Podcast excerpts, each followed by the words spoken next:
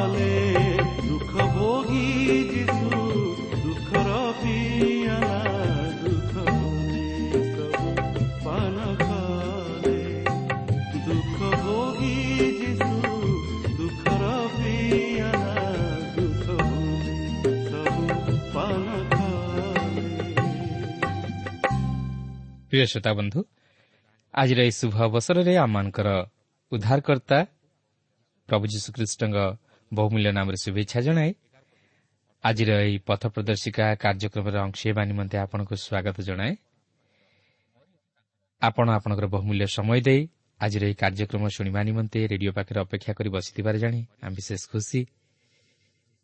ଆମର ଅନୁରୋଧ ଆପଣ ଏହି କାର୍ଯ୍ୟକ୍ରମ ନିୟମିତ ଶୁଣନ୍ତୁ ଓ ପତ୍ର ମାଧ୍ୟମରେ ଥରକୁ ଥର ଆମ ସହ ଯୋଗାଯୋଗ କରି ଆପଣଙ୍କର ମତାମତ ତଥା ଜୀବନରେ ଯଦି ସେ ପ୍ରକାର କିଛି ସାକ୍ଷ୍ୟ ଥାଏ ଯାହାକି ପ୍ରଭୁ ଯୀଶୁଙ୍କଠାରେ ବିଶ୍ୱାସ କରିବା ପରେ ଆପଣ ସେହି ଅନୁଭୂତି ମଧ୍ୟ ଦେଇ ଆସିଛନ୍ତି ତାହେଲେ ତାହା ତୁରନ୍ତ ପତ୍ର ମାଧ୍ୟମରେ ଆମ ନିକଟକୁ ଲେଖି ଜଣାଇବା ନିମନ୍ତେ ଅନୁରୋଧ। ଆପଣଙ୍କର ପ୍ରାର୍ଥନାର ଅନୁରୋଧ ରକ୍ଷା କରି ଆମେ ମଧ୍ୟ ଆପଣଙ୍କ ନିମନ୍ତେ ପ୍ରାର୍ଥନା କରୁଅଛୁ। ଆଉ ସେହି ପ୍ରଭୁ ଯୀଶୁ ନିଶ୍ଚିତ ଭାବରେ ଆପଣଙ୍କର ସମସ୍ୟା ସମାଧାନ କରିବେ। ଆସନ୍ତୁ ତାହେଲେ ପ୍ରଭୁଙ୍କର ବାକ୍ୟ ମଧ୍ୟକୁ ଯିବା ପୂର୍ବରୁ ପ୍ରାର୍ଥନାର ସହିତ ପ୍ରଭୁଙ୍କ ବାକ୍ୟର ନିକଟବର୍ତ୍ତୀ ହେବା। ଆସନ୍ତୁ ପ୍ରାର୍ଥନା କରିବା। ପବିତ୍ର ପ୍ରଭୁ ଆମମାନଙ୍କର ସୃଷ୍ଟିକର୍ତ୍ତା ଉଦ୍ଧାରକର୍ତ୍ତା ନିତ୍ୟ ଜୀବିତ ପ୍ରତିକାର ବିଶ୍ୱସ୍ତ ପରମେଶ୍ୱର। ପ୍ରଭୁ ତୁମେ ଆଜି ମଧ୍ୟ ଜୀବିତ। ତୁମର ବାକ୍ୟ ମଧ୍ୟ ଦେଇ ତୁମେ ଆଜି ମଧ୍ୟ ଆମମାନଙ୍କ ସହିତ କଥା କହିବା ପାଇଁ ଯାଉଅଛ। ମାତ୍ର ପ୍ରଭୁ ତୁମେ ଆମମାନଙ୍କୁ ଏକ ସରଳ ବିଶ୍ୱାସର ହୃଦୟ ଦିଅ। ଆମମାନଙ୍କର ମନ ମଧ୍ୟରୁ ସମସ୍ତ ପ୍ରକାର ଅବିଶ୍ୱାସ ଓ ସନ୍ଦେହ ଦୂର କରିଦିଅ। ଆମମାନଙ୍କୁ ଧୀର ସ୍ଥିର ଚିତ୍ର ଦିଅ। ତୁମର ବାକ୍ୟ ଶୁଣିବା ସଙ୍ଗେ ସଙ୍ଗେ ଯେପରି ସେହି ବାକ୍ୟ ଅନୁଯାୟୀ ନିଜର ଜୀବନକୁ ସମୀକ୍ଷା କରିବୁ ଆଉ ସେ ବାକ୍ୟରେ ବିଶ୍ୱାସ କରି ତୁମଠାରେ ବିଶ୍ୱାସ କରି ଯେପରି ପ୍ରଭୁ ତୁମର ପଛରେ ଚାଲିବାକୁ ପାରିବୁ ସେଥିପାଇଁ ପ୍ରଭୁ ତୁମେ ଆମମାନଙ୍କୁ ଶକ୍ତି ଦିଅ। ପ୍ରତ୍ୟେକ ଶ୍ରୋତାବନ୍ଧୁମାନଙ୍କୁ ଆଜିର ଏହି କାର୍ଯ୍ୟକ୍ରମ ମଧ୍ୟ ଦେଇ ତୁମେ ଆଶୀର୍ବାଦ କର। ପ୍ରତ୍ୟେକଙ୍କର ମନସ୍କାମନା ତୁମେ ପୂର୍ଣ୍ଣ କର। ପ୍ରତ୍ୟେକଙ୍କୁ ଆତ୍ମିକ ଜୀବନରେ ବର୍ଦ୍ଧିଷ୍ଣୁ କରାଅ। ପ୍ରତ୍ୟେକଙ୍କର ଦୁଃଖ ଦୂର କର। ଏହି ସମସ୍ତ ପ୍ରାର୍ଥନା ଆମମାନଙ୍କର ଉଦ୍ଧାରକର୍ତ୍ତା ଜୀବିତ ପୁନରୁଦ୍ଧିତ ପ୍ରିୟ ପ୍ରଭୁ ଯୀଶୁଙ୍କ ନାମରେ ଅଳ୍ପ ଭିକ୍ଷା ମାଗୁଅଛୁ।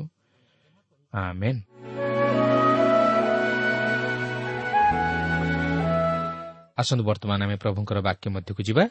ଆଜି ଆମେ ଜୋହନ ଲିଖିତ ସୁଷମାଚାରର ଅଠର ପର୍ବର ଅଠେଇଶ ପଦରୁ ଆରମ୍ଭ କରି ଉଣେଇଶ ପର୍ବର ଷୋହଳ ପଦ ପର୍ଯ୍ୟନ୍ତ ଅଧ୍ୟୟନ କରିବା ନିମନ୍ତେ ଯିବା। ମୋର ଅନୁରୋଧ ଆପଣ ଆପଣଙ୍କର ନିକଟରେ ଖାତା ଓ ପେନ୍ ରଖନ୍ତୁ। ଆବଶ୍ୟକ ସ୍ଥଳେ ଉପଯୁକ୍ତ ବା ଗୁରୁତ୍ୱପୂର୍ଣ୍ଣ ବିଷୟଗୁଡ଼ିକ ଲେଖି ରଖନ୍ତୁ। ତେବେ ଏଠାରେ ମୁଁ ଆପଣଙ୍କୁ ସ୍ମରଣ କରାଇଦିଏ ଯେ ଗତ ପାଠରେ ଆମେ ଦେଖିଥିଲୁ ଯୀଶୁଙ୍କୁ ତାଙ୍କ ଶତ୍ରୁମାନେ ବାନ୍ଧି ହାନାନ ମହାଜାଜକଙ୍କ ନିକଟକୁ ଘେନି ଆସିଲେ ଓ ହାନାନ ମହାଜାଜକ ତାହାଙ୍କର କୌଣସି ଦୋଷ ନ ପାଇ ତାହାଙ୍କର ବିଚାର କରି ନ ପାରିବାରୁ ତାହାଙ୍କୁ କୟାଫା ମହାଜାଜକଙ୍କ ନିକଟକୁ ପଠାଇଦେଲେ ଓ ଏଥିସହିତ ପିତର କିପରି ଯୀଶୁଙ୍କୁ ଅସ୍ୱୀକାର କଲେ ତାହା ମଧ୍ୟ ଦେଖିଥିଲୁ। କିନ୍ତୁ ଏହାପରେ ଆଗକୁ କ'ଣ ଘଟିଲା ଆସନ୍ତୁ ବର୍ତ୍ତମାନ ଅଧ୍ୟୟନ କରି ଦେଖିବା।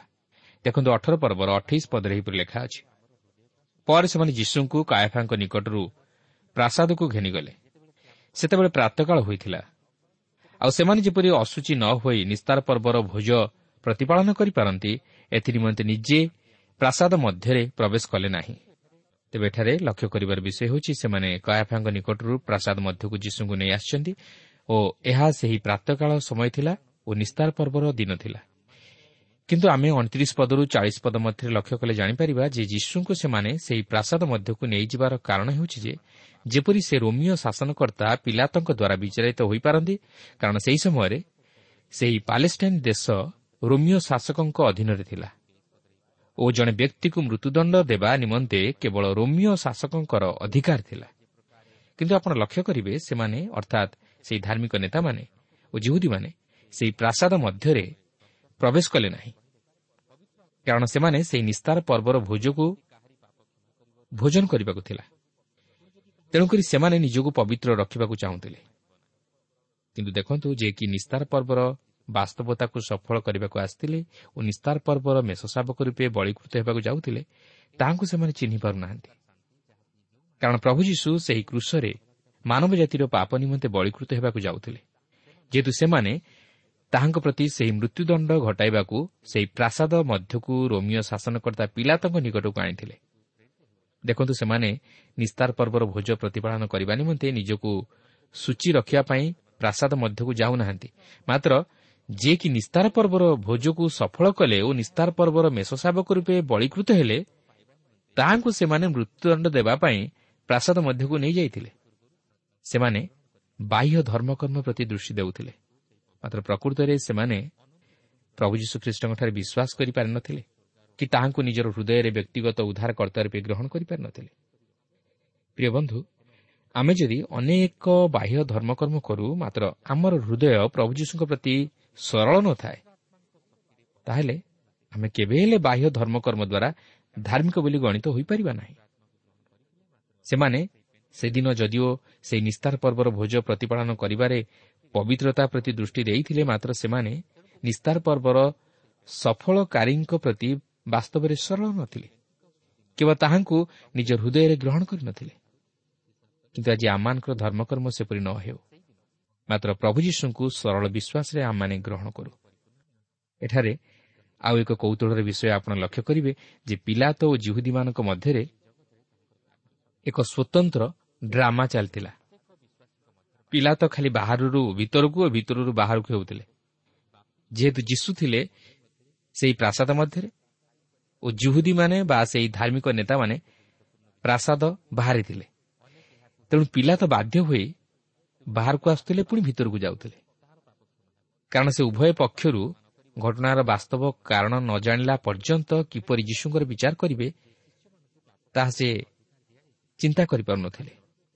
ତେଣୁକରି ସେଥିପାଇଁ ସେ ଜିଉଦୀମାନଙ୍କୁ ଓ ଯୀଶୁଙ୍କୁ ମଧ୍ୟ ପ୍ରଶ୍ନ କରନ୍ତି ଯେପରି ସେ ବାସ୍ତବ କାରଣଟି ଜାଣିବାକୁ ପାରନ୍ତି। କାରଣ ସେମାନେ ଯୀଶୁଙ୍କୁ ମୃତ୍ୟୁଦଣ୍ଡ ଦେବା ନିମନ୍ତେ ପିଲାତଙ୍କ ନିକଟକୁ ଆଣିଥିଲେ।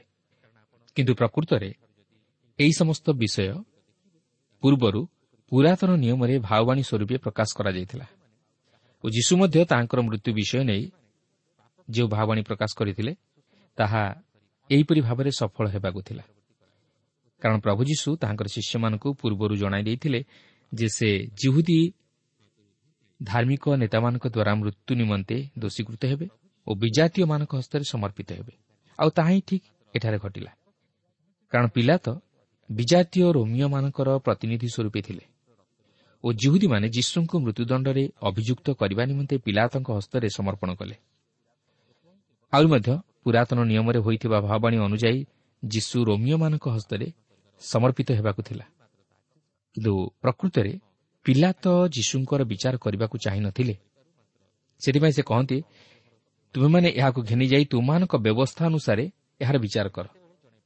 କିନ୍ତୁ ଜୁହୁଦୀମାନଙ୍କର ପ୍ରାଣଦଣ୍ଡ ଦେବାର ଅଧିକାର ନଥିବାରୁ ସେମାନେ ତାହାଙ୍କୁ ରୋମିଓମାନଙ୍କ ହସ୍ତରେ ବିଚାରିତ ହେବା ନିମନ୍ତେ ସମର୍ପଣ କରିଥିଲେ ଯେପରି ସେ ମୃତ୍ୟୁଦଣ୍ଡ ଭୋଗ କରନ୍ତି ଓ ଭାବାଣୀ ଅନୁଯାୟୀ ସେ ଯେପରି ସେହି କୃଷି ମୃତ୍ୟୁ ଭୋଗ କରନ୍ତି ଏଥିନିମନ୍ତେ ଏହିପରି ଘଟିଲା। କିନ୍ତୁ ସେ ଯଦି ଜୁହୁଦୀମାନଙ୍କ ଦ୍ୱାରା ବ୍ୟବସ୍ଥା ଅନୁଯାୟୀ ମୃତ୍ୟୁଦଣ୍ଡ ଭୋଗ କରିଥାନ୍ତେ ତାହେଲେ ସେ ପ୍ରସ୍ତରାଘାତରେ ମୃତ୍ୟୁ ଭୋଗ କରିଥାନ୍ତେ। କିନ୍ତୁ ପୁରାତନ ନିୟମର ଭାବଣୀ ଅନୁଯାୟୀ ସେ ଯେ ରୋମିଓମାନଙ୍କ ହସ୍ତରେ ସମର୍ପିତ ହୋଇ କୃଷି ମୃତ୍ୟୁବରଣ କରିବେ ସେଥିନିମନ୍ତେ ଏହିପରି ଘଟିଲା। କାରଣ ଏହି ପ୍ରକାରେ ଭାଓବାଣୀ ସଫଳ ହେବାକୁ ଥିଲା। କିନ୍ତୁ ତଥାପି ପିଲା ତ ଯୀଶୁଙ୍କୁ ମୃତ୍ୟୁଦଣ୍ଡ ଦେବାକୁ ଚାହୁଁନଥିଲେ। କାରଣ ସେ ତାହାଙ୍କଠାରେ କୌଣସି ଦୋଷ ପାଇନଥିଲେ। ସେ ଯୀଶୁଙ୍କୁ ସାହାଯ୍ୟ କରିବାକୁ ଚାହୁଁଥିଲେ। ପିଲା ତ କେବଳ ଯୀଶୁଙ୍କଠାରୁ ଗୋଟିଏ ଉତ୍ତର ଅପେକ୍ଷା କରୁଥିଲେ ଯେ ଯଦି ଯୀଶୁ କହନ୍ତି ମୁଁ ରାଜା ନୁହେଁ ବୋଲି ତାହେଲେ ସେ ତାହାଙ୍କୁ ମୁକ୍ତ କରିବା ନିମନ୍ତେ କିଛି ରାସ୍ତା ପାଇଯିବେ। କିନ୍ତୁ ଯୀଶୁ ତାହା କରିବା ପାଇଁ ଚାହିଁନଥିଲେ। ତେବେ ଦେଖନ୍ତୁ ବର୍ତ୍ତମାନ ପ୍ରକୃତିରେ କିଏ ଅଡୁଆରେ ପଡ଼ିଛନ୍ତି? ଯୀଶୁ ନା ପିଲାତ? ମୁଁ ଭାବୁଛି ପିଲାତ। କିନ୍ତୁ ପିଲା ତ ଚାହିଁଥିଲେ ମଧ୍ୟ ଯୀଶୁଙ୍କୁ ମୁକ୍ତ କରିପାରିଥାନ୍ତେ। କିନ୍ତୁ ସେ ଜିହୁଦୀମାନଙ୍କର ପ୍ରିୟ ପାତ୍ର ହେବା ପାଇଁ ଓ ଜିହୁଦୀମାନଙ୍କଠାରୁ ସମର୍ଥନ ପାଇବା ପାଇଁ ଯୀଶୁଙ୍କୁ କୃଷରେ ଚଢ଼ାଇବା ନିମନ୍ତେ ଅନୁମତି ଦେଲେ। ଯେପରି ସେ ଜିହୁଦୀମାନଙ୍କର ପ୍ରିୟ ପାତ୍ର ହୋଇ ରହିବା ଦ୍ୱାରା ତାହାଙ୍କର ପଦବୀ ସ୍ଥିରୀକୃତ ହୋଇ ରୁହେ। କିନ୍ତୁ ସେ ନିଜକୁ ନିର୍ଦ୍ଦୋଷ ବୋଲି ଦେଖାଇ ହେବା ପାଇଁ ଜିହୁଦୀମାନଙ୍କୁ ଏହିପରି ପଚାରନ୍ତି ଯାହାକି ଅଣଚାଳିଶ ଓ ଚାଳିଶ ପଦରେ ଲେଖା ଅଛି। କିନ୍ତୁ ଆମ୍ଭେ ଯେ ନିସ୍ତାର ପର୍ବ ସମୟରେ ତୁମାନଙ୍କ ନିମନ୍ତେ ଜଣକୁ ମୁକ୍ତ କରିଦେଉ ଏହା ତୁମାନଙ୍କ ରୀତି ଅଛି। ଅତଏବ ଜିହୁଦୀମାନଙ୍କ ରାଜାଙ୍କୁ ଆମ୍ଭେ ତୁମାନଙ୍କ ନିମନ୍ତେ ମୁକ୍ତ କରିଦେଉ ବୋଲି କ'ଣ ତୁମାନଙ୍କର ଇଚ୍ଛା? ସେଥିରେ ସେମାନେ ପୁନର୍ବାର ଚିତ୍କାର କରି କହିଲେ ଏ ଲୋକଟାକୁ ନୁହେଁ କିନ୍ତୁ ବରବ୍ବାକୁ ଏହି ବରବ୍ବା ଜଣେ ଡକାୟିତ ଥିଲା। ପ୍ରକୃତରେ ପିଲା ତ ଜାଣିଥିଲେ ଯେ ଯୀଶୁଙ୍କର କୌଣସି ଦୋଷ ନଥିଲା। ସେ ଜଣେ ନିରୀହ ବ୍ୟକ୍ତି ଥିଲେ। ଆଉ ସେହି ଜୁହୁଦୀମାନେ ଯେ ଶତ୍ରୁତା ହେତୁ ତାହାଙ୍କୁ ମୃତ୍ୟୁ ନିମନ୍ତେ ସମର୍ପିତ କରିଥିଲେ ତାହା ସେ ଜାଣିଥିଲେ। ଯାହାକି ମାଥ୍ୟୁ ସତେଇଶ ପର୍ବର ଅଠର ପଦରେ ଲେଖା ଅଛି। ଏପରିକି ମାଥ୍ୟୁ ସତେଇଶ ପର୍ବର ଚବିଶ ପଦରେ ଏହିପରି ଲେଖା ଅଛି ଯାହାକି ପିଲା ତ କହନ୍ତି ଏହି ରକ୍ତପାତରେ ଆମ୍ଭେ ନିର୍ଦ୍ଦୋଷ ତୁମ୍ଭେମାନେ ତାହା ବୁଝ। ମାର୍କ ପନ୍ଦର ପର୍ବର ଦଶ ପଦରେ ଲେଖା ଅଛି କାରଣ ପ୍ରଧାନ ଯାଜକମାନେ ଯେ ଇର୍ଷାରେ ତାହାଙ୍କୁ ସମର୍ପଣ କରିଥିଲେ ତାହା ସେ ବୁଝିଲେ। ଏଥିସହିତ ଲୋକ ତେଇଶ ପର୍ବର ବାଇଶ ପଦରେ ଲେଖା ଅଛି ଆମ୍ଭେ ତାହାଠାରେ ପ୍ରାଣଦଣ୍ଡର କୌଣସି ଦୋଷ ପାଇନାହୁଁ। ଏହାପରେ ଜୋନ୍ ଅଠର ପର୍ବର ଅଠତିରିଶ ପଦରେ ଲେଖା ଅଛି ଆମ୍ଭେ ଏହାଠାରେ କୌଣସି ଦୋଷ ପାଉନାହୁଁ। କିନ୍ତୁ ଆପଣ ଦେଖନ୍ତୁ ପିଲା ତ ଏହିସବୁ ବିଷୟ ଜାଣି ସୁଦ୍ଧା ତାହାଙ୍କୁ ମୁକ୍ତ କରିବାକୁ ସାହସ କରିନଥିଲେ। କାରଣ ସେ ଜୁହୁଦୀମାନଙ୍କର ପ୍ରିୟ ପାତ୍ର ହେବାକୁ ଚାହିଁଥିଲେ। ପ୍ରଭୁ ଯୀଶୁ ପିଲାତଙ୍କୁ ସେହି ସତ୍ୟତା ବିଷୟରେ ଓ ତାହାଙ୍କର ରାଜତ୍ୱ ବିଷୟରେ ଜଣାଇଥିଲେ କିନ୍ତୁ ତଥାପି ପିଲା ତ ସବୁ ଶୁଣି ଓ ବୁଝି ମଧ୍ୟ ଯୀଶୁଙ୍କୁ ମୁକ୍ତ କରିପାରିଲେ ନାହିଁ। କିନ୍ତୁ ପ୍ରଥମେ ସେ ଉଭୟ ପକ୍ଷଙ୍କୁ ଖୁସି କରାଇବା ନିମନ୍ତେ ଚେଷ୍ଟା କରିଥିଲେ ଓ ଉଭୟ ପକ୍ଷର ପ୍ରିୟ ପାତ୍ର ହେବାକୁ ଇଚ୍ଛା କରିଥିଲେ। ମାତ୍ର ଯେତେବେଳେ ସେ ପ୍ରଭୁ ଯୀଶୁଙ୍କଠାରୁ ଆତ୍ମପକ୍ଷ ସମର୍ଥନର କୌଣସି ବିଷୟ ପାଇଲେ ନାହିଁ ସେତେବେଳେ ସେ ଯୀଶୁଙ୍କୁ କୃଷରେ ଚଢ଼ାଇବା ନିମନ୍ତେ ଅନୁମତି ଦେଲେ। କିନ୍ତୁ ଜୁହୁଦୀମାନଙ୍କର ଦାବି ଅନୁଯାୟୀ ଯୀଶୁଙ୍କ ସ୍ଥାନରେ ବରବାକୁ ମୁକ୍ତ କଲେ। କାରଣ ପର୍ବ ସମୟରେ ଜଣେ ବନ୍ଦୀକୁ ମୁକ୍ତ କରିବାର ସେମାନଙ୍କର ବିଧି ଥିଲା। ଆଉ ସେହି ବରବା ଜଣେ ଡକାୟିତ ଥିଲା। ଜଣେ ଧାର୍ମିକର ମୃତ୍ୟୁରେ ଜଣେ ପାପି ଉଦ୍ଧାର ପାଇଲା। ପ୍ରଭୁ ଯୀଶୁ ସେହି ବରବ୍ବାର ସ୍ଥାନରେ ନିଜେ କୃଷି ମୃତ୍ୟୁ ଭୋଗ କଲେ। ଯେପରି ବରବ୍ବା ଉଦ୍ଧାର ପାଏ। କିନ୍ତୁ ଏହି ସମସ୍ତ ଈଶ୍ୱରଙ୍କ ଯୋଜନା ଅନୁଯାୟୀ ଏହି ପ୍ରକାର ସାଧିତ ହେବାକୁ ଥିଲା ମାତ୍ର ପିଲା ତ କ'ଣ କଲେ? ଓ ଜୁହୁଦୀ ନେତାମାନେ କ'ଣ କଲେ? ଜିହୁଦୀ ନେତାମାନେ ଯୀଶୁଖ୍ରୀଷ୍ଟଙ୍କଠାରେ ବିଶ୍ୱାସ କରିପାରିଲେ ନାହିଁ କି ତାହାଙ୍କୁ ଉଦ୍ଧାରକର୍ତ୍ତା ରୂପେ ଗ୍ରହଣ କରିପାରିଲେ ନାହିଁ। ପିଲା ତ ଯଦିଓ ଯୀଶୁଙ୍କଠାରୁ ସେହି ସତ୍ୟ ବିଷୟରେ ଶୁଣିଲେ ଓ ସେ ନିର୍ଦ୍ଦୋଷ ବୋଲି ଜାଣିଲେ ତଥାପି ମନୁଷ୍ୟମାନଙ୍କୁ ଖୁସି କରାଇବା ପାଇଁ ଓ ମନୁଷ୍ୟମାନଙ୍କ ନିକଟରେ ପ୍ରିୟପାତ୍ର ହେବା ପାଇଁ ଯୀଶୁଙ୍କୁ କୃଷରେ ଚଢ଼ାଇବା ନିମନ୍ତେ ସମର୍ପଣ କଲେ। ପ୍ରିୟ ବନ୍ଧୁ ଆଜି ଆମ ଜୀବନରେ ସେହିପରି ଦୁର୍ବଳତା ଦେଖାଯାଉନାହିଁ ତ?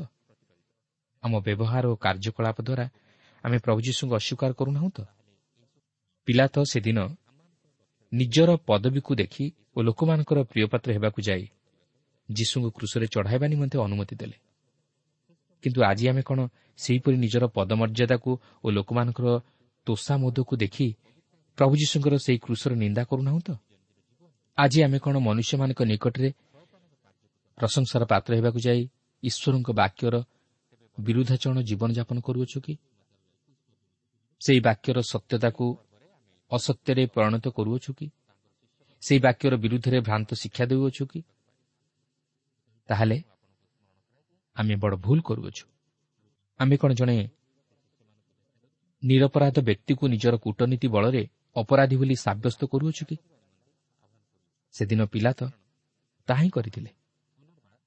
ତେଣୁ ଆସୁ ଯେପରି ଆମର କଥାବାର୍ତ୍ତା ଆଚାର ବ୍ୟବହାର ଓ କାର୍ଯ୍ୟକଳାପ ଦ୍ୱାରା ଖ୍ରୀଷ୍ଟ ଅଗୌରବାନ୍ୱିତ ନ ହୁଅନ୍ତି ଏଥି ନିମନ୍ତେ ପ୍ରତି ଅବସ୍ଥାରେ ଓ ସମୟରେ ତାହାଙ୍କର ବାକ୍ୟ ପରିମାର୍ଜିତ ଜୀବନଯାପନ କରିବା ନିମନ୍ତେ ଚେଷ୍ଟା କରୁ।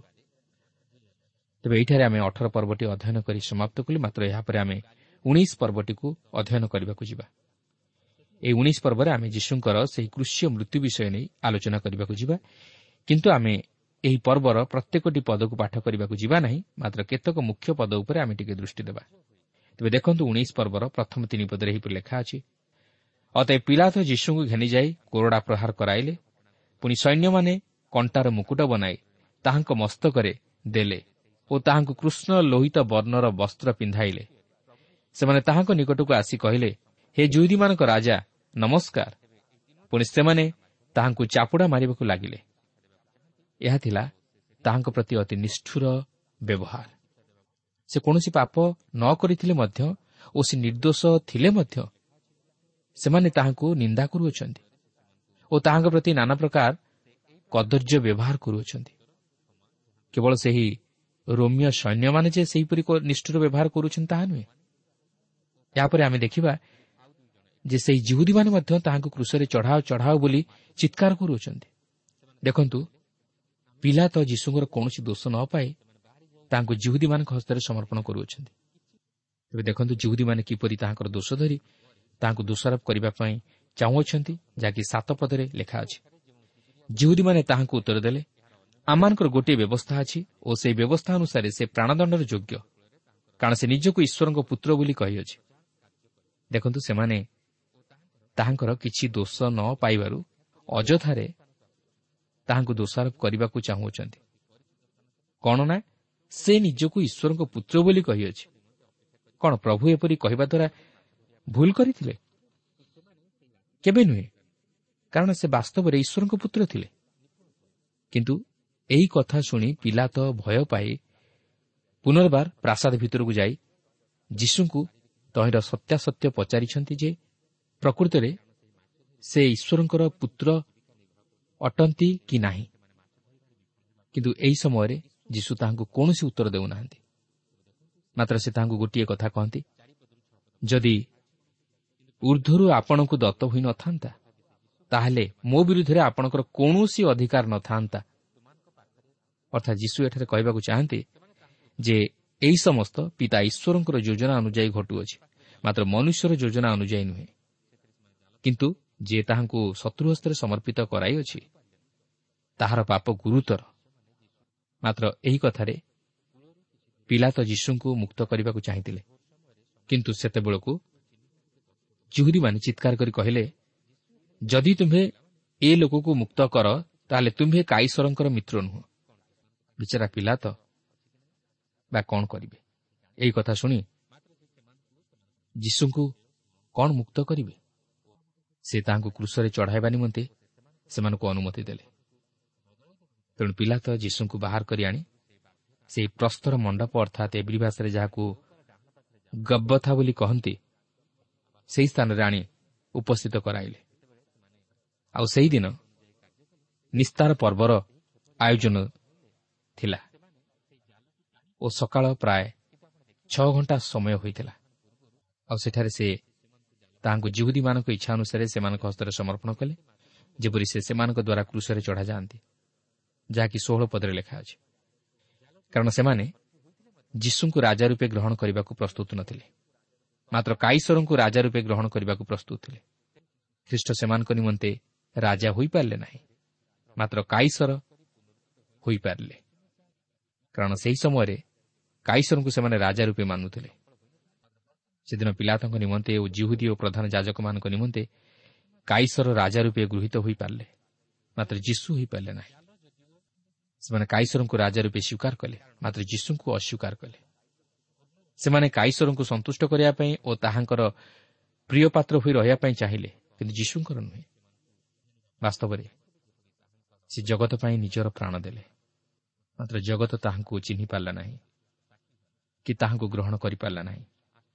ପ୍ରିୟ ବନ୍ଧୁ ଆଜି ଆପଣ କାହାକୁ ଉଦ୍ଧାରକର୍ତ୍ତା ରୂପେ ସ୍ୱୀକାର କରିବା ପାଇଁ ଚାହାନ୍ତି? ଖ୍ରୀଷ୍ଟଙ୍କୁ? ନା ଆଉ କାହାକୁ? ଯଦି ଆପଣ ଖ୍ରୀଷ୍ଟଙ୍କ ବିନା ଆଉ କାହାକୁ ନିଜର ଉଦ୍ଧାରକର୍ତ୍ତା ରୂପେ ସ୍ୱୀକାର କରିଥାନ୍ତି ତାହେଲେ ଆପଣ ଭୁଲ କରିଛନ୍ତି ଓ ଆପଣ ଶୈତାନର ଫାନ୍ଦରେ ପଡ଼ିଯାଇଛନ୍ତି। କାରଣ ପ୍ରଭୁ ଯୀଶୁଙ୍କ ବିନା ଆଉ କେହି ଆପଣଙ୍କୁ ପାପରୁ ଉଦ୍ଧାର କରିବା ନିମନ୍ତେ ଆପଣାର ପ୍ରାଣ ଦେଇନାହାନ୍ତି। କେବଳ ମାତ୍ର ପ୍ରଭୁ ଯୀଶୁଖ୍ରୀଷ୍ଟ ତାହାଙ୍କର ସେହି ପବିତ୍ର ରକ୍ତ ଆପଣଙ୍କ ନିମନ୍ତେ ମୋ ନିମନ୍ତେ ଓ ସମଗ୍ର ଜଗତ ନିମନ୍ତେ ଝରାଇଛନ୍ତି।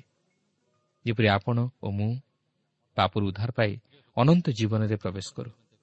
ଆଉ ତାହା ହିଁ ଥିଲା ଈଶ୍ୱରଙ୍କର ଯୋଜନା ଓ ଅଭିମତ।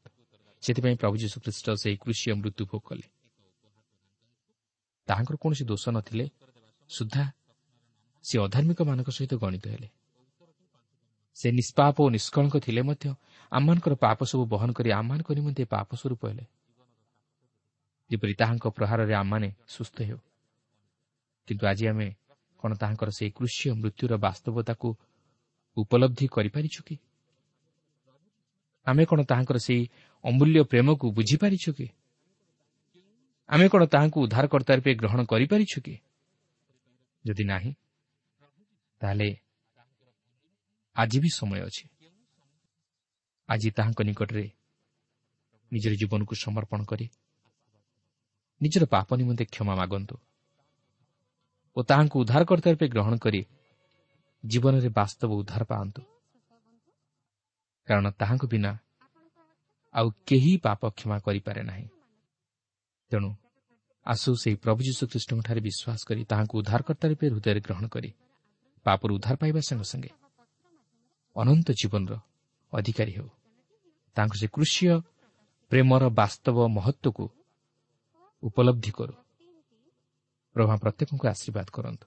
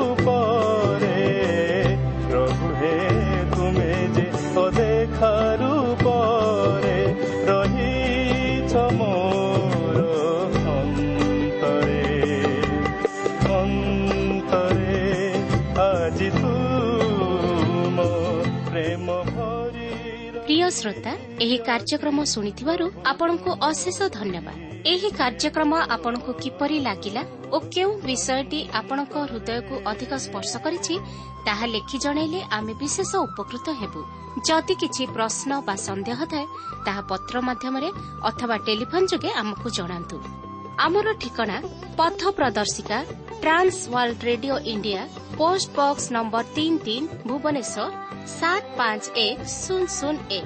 Mobile number nine seven double seven double two one four one five. ঠিকনাটি আউথরে শুণন্তু পথ প্রদর্শিকা Trans World Radio India post box number three three Bhubaneswar seven five one zero zero one. Mobile number nine seven double seven double two one four one five.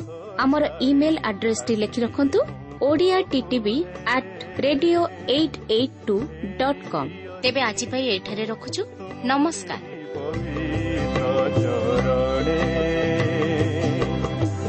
ପ୍ରଭୁ ହେ ତୁମେ ମୋ ହାତ ଧରି ପ୍ରଭୁ ହେ ତୁମେ ମୋ ହାତ ଧରି କଢ଼ାସ ପଥର